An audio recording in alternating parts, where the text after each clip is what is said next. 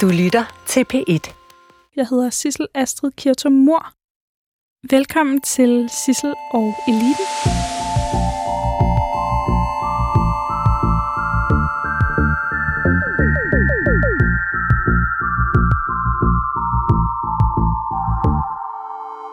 Jens Bjørn Andersen, velkommen til Sissel og Eliten. Mange tak. Tak fordi du vil være med. Jamen, jeg har glædet mig, så det bliver det spændende. har jeg også, fordi du er jo årets topchef 2020. Ja. Valgt af Berlingske. Det er rigtigt. Ja. Og så er du chef for DSV, som er et transportfirma. Og så har jeg en fornemmelse af, at du er en af de sejeste, der kommer til at være med i den her programrække. Det er jeg selvfølgelig øh, glad for, at du siger, men det er jeg nu ikke helt sikker på.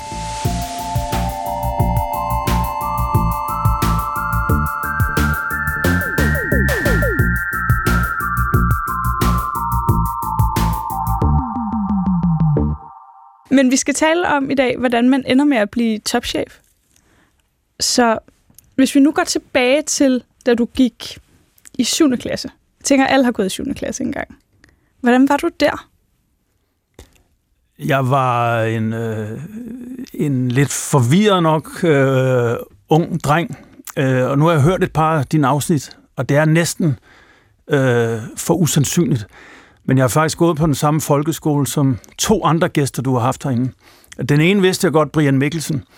Øh, vi gik nemlig på Grænshofteskolen i Ballerup, og vi endte også med at gå øh, i gymnasiet sammen og gå i parallelklasse øh, sammen. Øh, men så så jeg også, at øh, Anne Steffensen har Ja. også fortalt, også har gået et år på Grænshofteskolen, så det synes jeg var meget sjovt. Øh, men jeg var, øh, jeg, var, jeg var dygtig og havde det fint, og jeg trives fint i, i folkeskolen. Øh, jeg havde gode venner, interesserede mig for sport. Øh, jeg gik til svømning. Jeg var ude at fiske næsten hver dag. Jeg tror, jeg fangede tusind geder, da jeg øh, boede i Ballerup. Det var min store passion. Men der var det virkelig, hvad skal man sige, gik op for mig også, at man øh, skulle lægge en indsats i, i tingene, og det ikke kom helt så let til mig. Det var, da jeg gik øh, så skridtet fra 9. klasse ind i gymnasiet. Mm. Der var jeg nok øh, lidt for udisciplineret, og, øh, og den der lethed, det hele kom med i folkeskolen, der skulle jeg koncentrere mig meget mere. Der gik ikke mange måneder, så var jeg 3-4-5 øh, fysikrapporter bagud, kan jeg huske.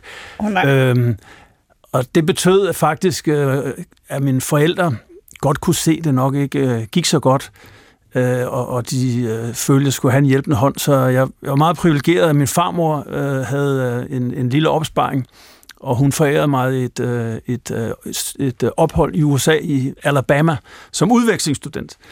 Og, øh, og det var det helt rigtige. Et fantastisk år for mig. Jeg var på fodboldhold, og, øh, og, og, og jeg elskede den der øh, amerikanske øh, livsstil og så videre.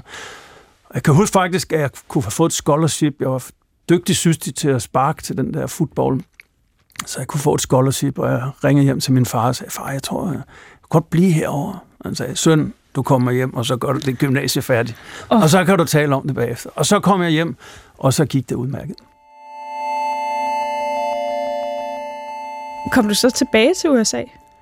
Nej, jeg kom faktisk ikke tilbage til USA, øh, men senere i mit liv har jeg boet 12 år i udlandet. Ikke så eksotiske steder, men øh, vi, øh, vi var øh, så heldige at blive tilbudt, og øh, da jeg var omkring 30 år og kom til Norge, øh, og selvom jeg var indledningsvis lidt skeptisk øh, til lige Norge, fordi jeg havde jo måske drømt om Singapore og øh, Los Angeles og så videre, da forslaget så var Oslo, der skulle vi lige synge et par gange, men vi elskede det faktisk, og vi havde seks gode år, og begge vores børn er født i Norge, og Norge er et fantastisk land, og hvis man interesserer sig lidt for at være ude, natur, øh, skiløb og så videre, så, så findes det nok ikke bedre. Finder nok heller ikke et meget bedre og tryggere sted øh, for børn at vokse op. Så efter det var vi så seks år i London, der var der smagte lidt mere af noget af det, vi havde drømt om. Så Og det hvem, var fint. hvem tilbød dig at komme til Oslo? Jamen, det var i tidligt i min karriere, da jeg var startet i et selskab, der hed Samsung Transport, der senere blev købt af DSV. Vi havde nogle store problemer i Norge, øh, store økonomiske problemer, så jeg blev chef for vores øh, Oslo-kontor gammel nedlagt øh, jernbanestation, øh, med, øh, hvor det øh, pev ind med vind, øh, kan jeg huske om vinteren, det var helt utæt, og vi havde ikke råd til at renovere det. Men det var en fantastisk øh, opgave og udfordring også, synes jeg, at se, om jeg kunne gøre noget øh, ved de der resultater, og, øh, og det lykkedes vi med. Og kort tid efter blev vi købt af, af DSV, og de øh, gav mig så muligheden for at blive chef for hele Norge, og det var i princippet der, min, min karriere startede. Så det, der sker tidligt i din karriere, det er, at der er nogen, der opdager, at du bare er god til at forvente. Ja, jeg kan huske... Så bliver du sendt rundt i verden. Ja, det er jo ikke sådan, jeg blev sendt, og jeg har jo altid sagt, at jeg er jo ikke sådan en magiker, der har en eller anden uh, tryllestav, hvor man lige tager det hen over, og så bliver det fuldstændig forbedret med det samme. Men, uh, men, men jeg var god til det der åbenbart, at få det i talesat, og, og, og, og jeg kan jo se selvfølgelig på resultaterne, de var dårlige, og så blev de gode, og det var der selvfølgelig nogen i, uh, i bestyrelsen i DSV, der, der synes, der var, der var vigtigt og godt, og, uh, og så var der sikkert nogle andre parametre, man også målte mig på, og... Uh, og derfor faktisk allerede syv år inden jeg startede som CEO i DSV, øh, fik jeg øh, en besked om, at de gerne ville se mig i stolen. Så jeg sad i princippet syv år og ventede på at, øh, at overtage jobbet efter øh, Kurt Larsen, der var CEO før mig. Men det havde jeg det fint med. Vi havde en fantastisk tid, også i England, og jeg sagde altid, at jeg var også ung på det tidspunkt. Tag, tag jeres tid. Jeg, jeg, jeg behøver ikke noget. Jeg, jeg, jeg har i princippet aldrig i mit liv været særlig karrierebevidst. Jeg aldrig... Øh, jeg synes også med den historik, og jeg, jeg gik i lærer i DSV eller i Samsung Transport, da jeg var 22 år. Jeg havde jo aldrig nogen som helst nogen forventning om, at jeg skulle ende. Det er jo fuldstændig stadigvæk i dag, når jeg tænker over det, øh, fuldstændig fantasiagtigt, at jeg har den position og det job, øh, jeg har i dag. Det, det er jeg meget, meget, meget bevidst omkring. Hvad forestillede du dig som 22-årig, at det ville ende med? Det havde, jeg havde overhovedet ikke. Jeg tænkte jo ikke øh, ud over, hvad der skulle ske øh, næste måned, skulle jeg til at sige, eller næste år. Jeg var jo øh, jeg var bare glad. Jeg var sindssygt fascineret af det job, jeg kom ind i, i, i transport- og logistikverden. Øh, jeg startede som elev øh, en fredag, kan jeg huske, mm. øh, i Import Spaniens afdeling. Øh, de skulle bruge noget hjælp. Jeg var lige færdig med øh, værnepligt øh, i, i søværnet. Og kom jeg ind, så var der skrivebord, det var før computer blev opfundet, der var en telefon, så var der en skrivemaskine. Øh, så så i, i dag har vi sådan en kæmpe sådan onboarding og, og velkomst, og der ligger øh, mobiltelefoner og e-mails. Dengang så sagde man, hvad skal jeg? Jamen, de havde ikke tid til at forklare mig noget. Så hvad, hvad skal jeg gøre, hvis telefonen ringer? Jamen, du må bare tage den og sige dit navn, og så se, hvad der sker. Og, og så det var virkelig øh, fascinerende. Jeg kom ind, så jeg var ved at, at, at hoppe ned under bordet, da telefonen så begyndte at ringe. Jeg vidste jo ikke, hvad jeg skulle gøre. Men så fandt man ud af, at det var det måske en kunde, der skulle have nogle varer hjem fra Spanien, og så skulle man ringe ned til, vi havde ikke et, et eget kontor, så skulle man ringe ned til vores agent i Spanien og tale med dem og organisere det. Og, og lynhurtigt fandt, kunne jeg se, at jeg var en hjælp til afdelingen. Altså det der internationale miljø, hektiske miljø. Vi arbejdede meget og, og længe, men det var unge mennesker, vi var rigtig mange elever. Vi havde det godt. Dengang var det også tilladt lige at knappe en, øh, en pilsner op efter arbejdstid øh, og sidde og hygge sig med, når man lavede 12 papirerne færdige. Det elskede jeg bare, det miljø. Savner du det nogensinde? Ja, mit job er jo anderledes i dag. Man kan jo ikke sige, at, at, jeg, at jeg savner det, men jeg har gode minder omkring, øh, hvordan det var. Og, øh, og det har jo været med til at, at give mig en viden også. Jeg tror, jeg har lidt respekt i, i organisationen, fordi jeg selv har været ude i operationen og driften, og selvom tingene bliver gjort fundamentalt anderledes i dag, end det gjorde for over 30 år siden, da jeg startede, så er der nogle af de sådan helt grundlæggende ting, der er de samme. Så det er sådan en styrke, at du faktisk forstår, hvad, der, hvad det vil sige at få fragtet noget fra Spanien til Danmark? Ja, det vil jeg sige. Nu er det, øh, man kan betragte det, vi laver, både som meget simpelt, øh, at vi transporterer nogle ting fra A til B, men det er jo blevet også meget, meget mere øh, kompliceret, det vi laver, og, og også de geografiske, vi transporterer i princippet varer øh, fra øh, enhver by i verden til alle andre byer i hele verden.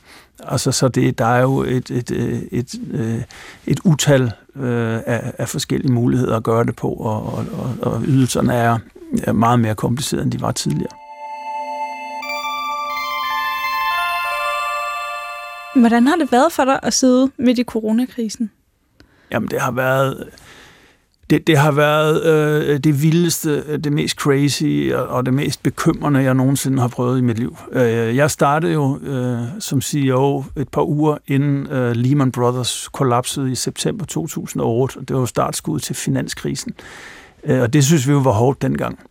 Øh, i princippet var, var, var det sådan, ø, den, den økonomiske negative konsekvens for vores virksomhed var også meget værre dengang end corona. Men det, der har været vildt den her gang, det er jo, at det har været en sundhedskrise, og jeg har jo følt et enormt også ansvar for at beskytte og, og sikre vores medarbejdere rundt omkring i verden, så de ikke blev syge og ultimativt, at de ikke døde. Det ville jo være helt forfærdeligt, hvis man sagde, vi er ligeglade, I kan bare gå på kontoret, I skal ikke, øh, vi har ikke nogen regler i DSV. Der er jo følt hele tiden, vi, skal, vi skulle være ud, øh, ud og, og være tydelige og sikre os, at, øh, at vi beskyttede vores medarbejdere så meget, og så har det været helt vildt. Vi havde jo ikke nogen sådan beredskabsplan for en, en global pandemi, der skulle ramme os. Vi har beredskabsplaner for alt muligt andet, men det der, der havde vi altså ikke. Det tror jeg ikke, der var så mange andre virksomheder, der havde.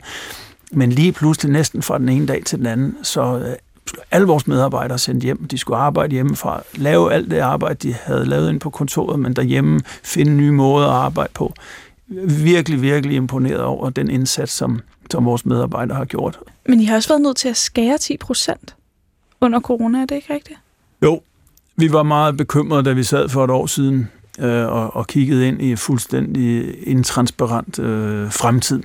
Øh, og vi så jo, at øh, vores kunders transportmængder faldt øh, 20-25 procent fra den ene dag til den anden nærmest. Altså, der var meget mindre aktivitet i vores selskab. Og så er det i DSV, vi, øh, vi skal beskytte, vi er jo et børsnoteret selskab, mm. så skal vi beskytte aktionærernes øh, værdier. Og, øh, og der er det rigtigt, der, øh, der valgte vi at, at, at, at se, om vi kunne spare vores omkostninger øh, med 10 procent. Og det gjorde vi øh, relativt hurtigt, øh, da, da corona startede. Jeg har jo aldrig været en del af magteliten. Så altså, hvordan er det at fyre folk? Jamen, det er jo forfærdeligt. Altså, det skal det også være. Det er jo, jeg, jeg håber ikke, vi har en eneste medarbejder i DSV, der synes, det er fedt eller godt, eller det har været en god dag, når man har måttet sige farvel til nogen. Det er jo helt forfærdeligt.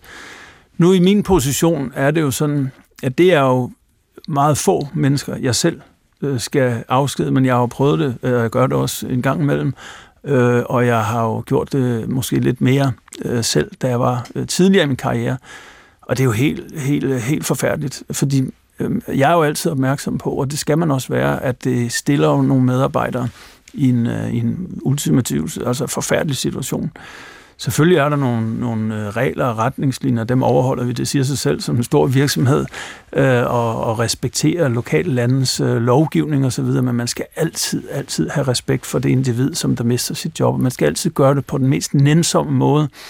Og jeg har altid spurgt, øh, hvad vil du selv nu? nu? Nu har jeg givet dig den ultimative dårligste besked, du kunne få. Resten kan du selv bestemme hvordan skal vi sige det nu? Vil du vente lidt? Vil du tage hjem? Vil du, vil du gå ud af mit kontor nu og lade som om det ikke er sket? Eller skal vi gå ud sammen og tale med, med dine kollegaer? Eller hvad? Altså, når du har ligesom givet den besked, så, så det, gælder det bare om at gøre det så nænsomt. Og det er virkelig, virkelig øh, en vigtig ting. Og, og hvis jeg nogensinde ser nogen, der ikke gør det på den måde, så kan de altså ikke være ansat i DSV. Så bliver de også selv fyret. Ja, det, det er helt sikkert. Er der, er der nogle typer, der er sværere at fyre end andre? Nej, der er nogen, der er lettere, synes jeg, at fyre end andre. Og det er dem, der er højt oppe i hierarkiet. Hvis man skal sige farvel til en direktør, øh, så kan det være, at han har øh, et eller to år måske øh, opsigelsestid. Øh, de bliver ofte sendt på det, vi kalder garden leave. Det er sådan noget i gamle dage, så har man tid til at gå ud i sin have og arbejde lidt mm. øh, med fuld løn. Øh, og, øh, og, og de er jo mig selv inklusiv, øh, jo, vi er jo meget privilegerede øh, og har nogle fine betingelser. Så jeg siger altid, at de folk skal man altså ikke have særlig ondt af. Altså øh, deres problem er, at man skal drikke øh, en rødvin, der måske er lidt billigere end den, man plejer at drikke, og gå til en mellemklasse Mercedes i stedet for en meget stor Mercedes. Mens hvis du, hvis du øh, bliver nødt til at afskede mennesker længere nede i systemet, jeg kan huske nogen selv, jeg var involveret i, da jeg var i England, så var det sådan noget med, at øh, børnene kunne altså ikke øh, øh, muligvis i hvert fald få nye skoleuniformer, fordi moren havde mistet sit job, og, øh, og det, det, det kan, bare det, at jeg fortæller det her, det, det, det, det er noget, der skete for 20 år siden. Jeg kan tydeligt huske det, at det var, det var, det var forfærdeligt, men, men man bliver nødt til også at gøre det nogle gange, fordi hvis, hvis, hvis det er det rigtige, og man er for mange ansatte, eller der sker noget i din virksomhed, så er der altså også en ledelsesopgave at, at have det rigtige antal medarbejdere. Jeg vil så sige trods alt, at igennem min karriere og igennem øh, DSV's karriere, så har vi jo ansat mange, mange flere medarbejdere. Vi har skabt mange flere jobs, end, end, end vi har skåret. Øh, så når man øh, skal lægge sig ned og sove om aftenen, så er det meget rart lige at huske på det også.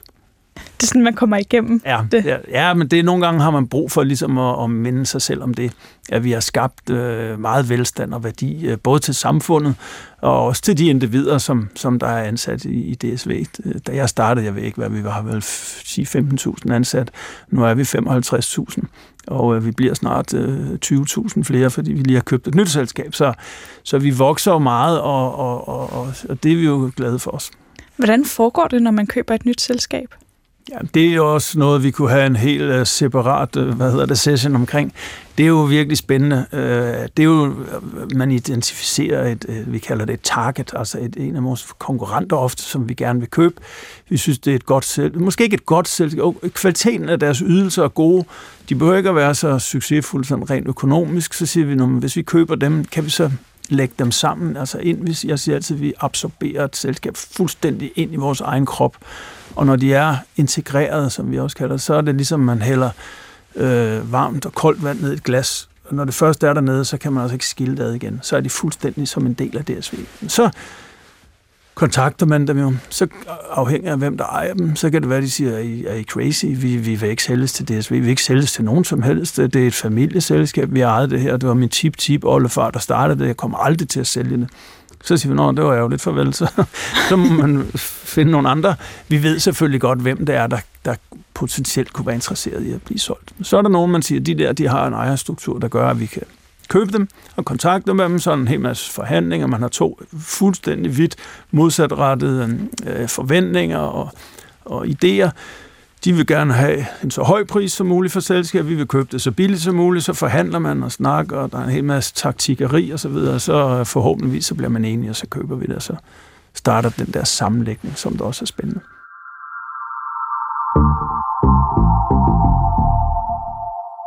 Jeg har jo en stor drøm om at blive en del af magteliten. Og hvordan, hvordan i alverden kan jeg blive det? Jeg har tænkt lidt over det, øh, og, øh, og jeg reflekteret lidt over også det udtryk, du bruger. Mm. For først så ser jeg ikke mig selv som en del af en magtelite, og jeg kan ikke lide, faktisk øh, kan jeg ikke lide ordet magt. Altså, for det er også, jeg synes selv, at jeg er en ydmyg person, og det prøver jeg virkelig at være. Det, det, det er naturligt for mig, det er ikke noget, jeg påtager mig. Så det der med at have magt, at jeg siger, at jeg har magt over dig, øh, det, det kan jeg ikke lide. Jeg kan med sige, at vi har noget indflydelse. Altså, magt, det kan også medføre magtfuldkommenhed, øh, og, og magtfuldkommenhed, så, så er du ude i sådan noget arrogance og så videre. Så jeg kan ikke rigtig... Vi er, vi er erhvervslivet, og vi er, jeg er en del af erhvervslivets, øh, hvad skal man sige, top eller ledelse. Vi er et stort selskab i DSV, og jeg er CEO i DSV. Så selvfølgelig og du har, har nogle fine bestyrelsesposter.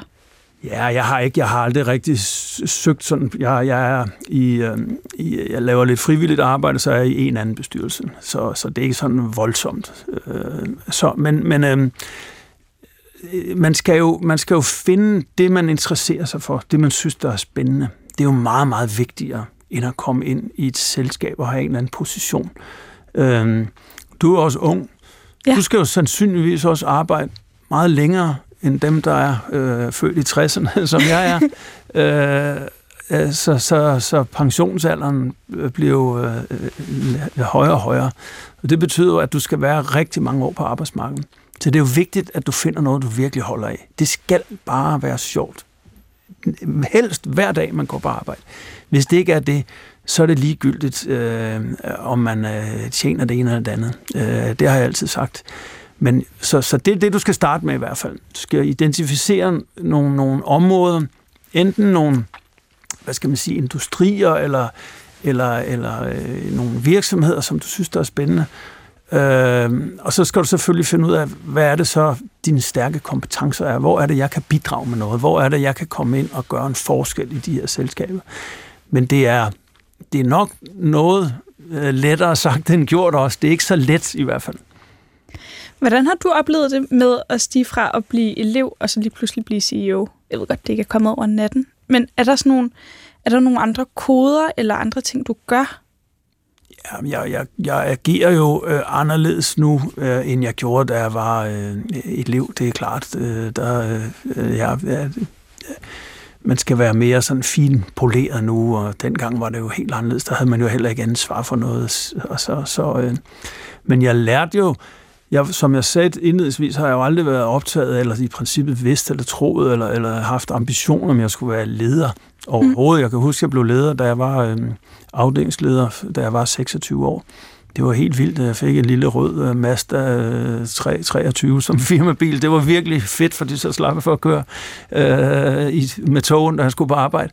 Men uh, så, uh, så, så lige pludselig var jeg leder for nogle af mine andre tidligere kollegaer. Og så sagde jeg, nu, nu, det må I jo respektere, og det håber I gør. Øh, vi skal stadig arbejde sammen. Jeg respekterer jer rigtig, rigtig meget. Nu, øh, nu skal vi bare øh, blive, blive endnu stærkere. Og så, så, så, så arbejdede man sig ind i det. Jeg har ikke, jeg har jo ikke nogen formel ledelsesbaggrund. Øh, jeg har ikke nogen, jeg har ikke læst, øh, jeg skulle til at sige nogen som helst øh, ledelsesbøger, det kan jeg, jeg kan ikke lige huske, at jeg har læst nogen. Så det er ikke noget, jeg har sådan dyrket meget, og jeg hele tiden går og tænker, om nu skal jeg bruge det her princip, det der princip. Det skal være naturligt, man skal hvile i sig selv, og så også anerkende, alle de fejl og mangler. Det kan godt være, at nogle af dine lyttere siger nu, når de sidder og lytter på det her, siger, nu sagde han det her, eller nu sagde han det her forkert, eller udtalte det der forkert. Det er jeg ligeglad med. Det, det, jeg er det, jeg er. Den, den øh, hvad skal man sige, selvtillid og, og, og, og, og indsigt skal man også have, at man kan ikke være, være perfekt til alt. Så, så det der med ledelse, det er meget sådan også at, at være troværdig, og, og selvfølgelig kunne kommunikere med folk, det er rigtig vigtigt. Er det også noget, du dyrker i din fritid så? Altså at være troværdig og slappe af ja. og hvile i dig selv? Det håber jeg da, min, både min familie og, og mine, mine venner øh, ser mig som, jeg holder meget af at lave andet end at arbejde. Det betyder meget for mig, at jeg ikke... Øh, arbejde kan lynhurtigt overtage hele dit liv. Det er det letteste i hele verden nu med digitale og elektroniske medier, mobiltelefoner, iPads og computer, og du er på hele tiden. Øh, og der er mange tidszoner i DSV. Vi er i alle tidszoner i verden, øh, vil jeg tro i hvert fald. Så, øh, så, så selvfølgelig kan det lynhurtigt overtage. Dine medarbejdere sover aldrig? Nej, det, ja, det, det håber jeg også. Jeg håber faktisk også, de har en balanceret tilgang til det. Jeg opfordrer ikke nogen til at øh, arbejde fuldstændig øh, bonanza-agtigt. Jeg er heller ikke altid den, eller aldrig den sidste, der går hjem ud fra kontoret. Jeg går hjem, når mit arbejde er færdigt. Så kan det jo godt være, at jeg arbejder lidt videre, når jeg kommer hjem. Jeg holder meget af at lave andre ting end arbejde også. Hvad laver du så i din fritid? Jeg, jeg kan ligesom forstå, at der er nogle cykelklubber ja. for topledere.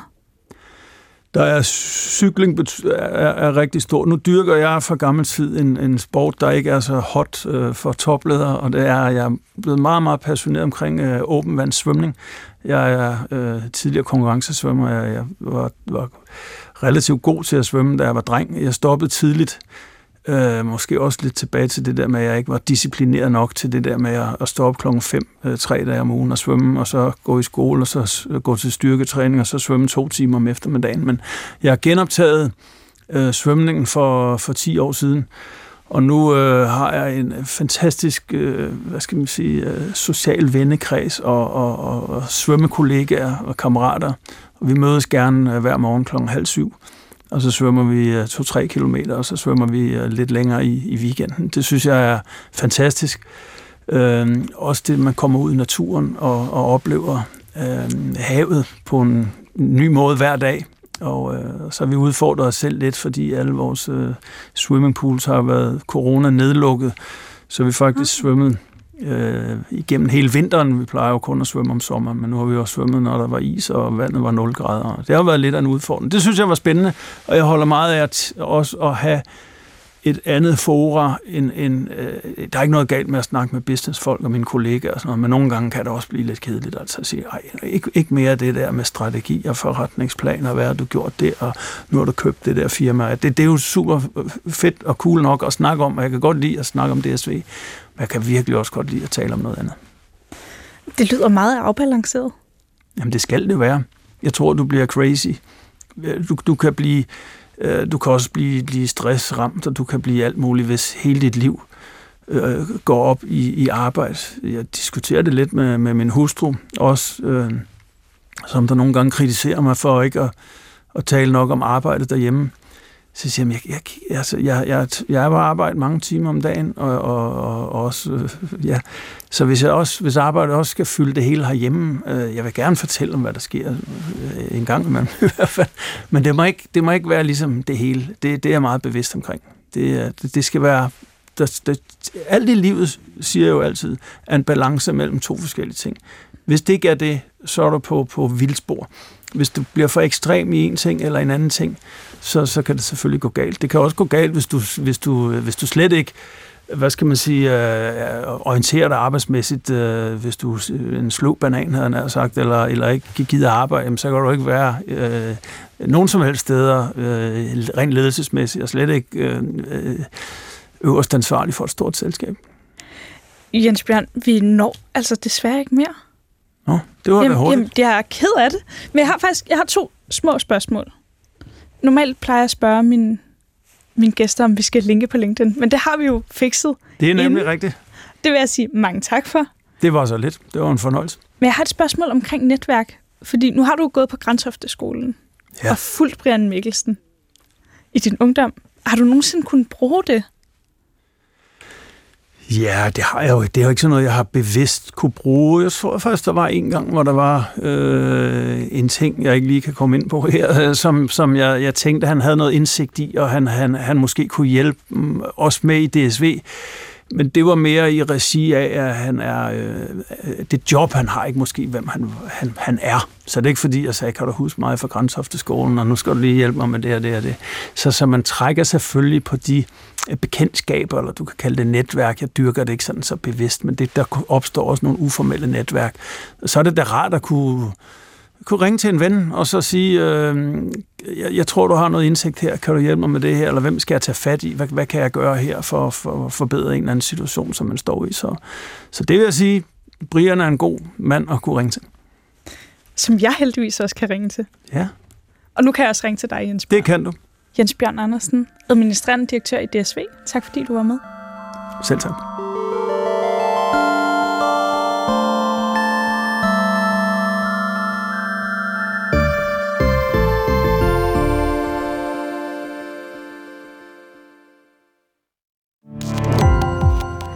Gå på opdagelse i alle DR's podcast og radioprogrammer. i appen DR Lyd.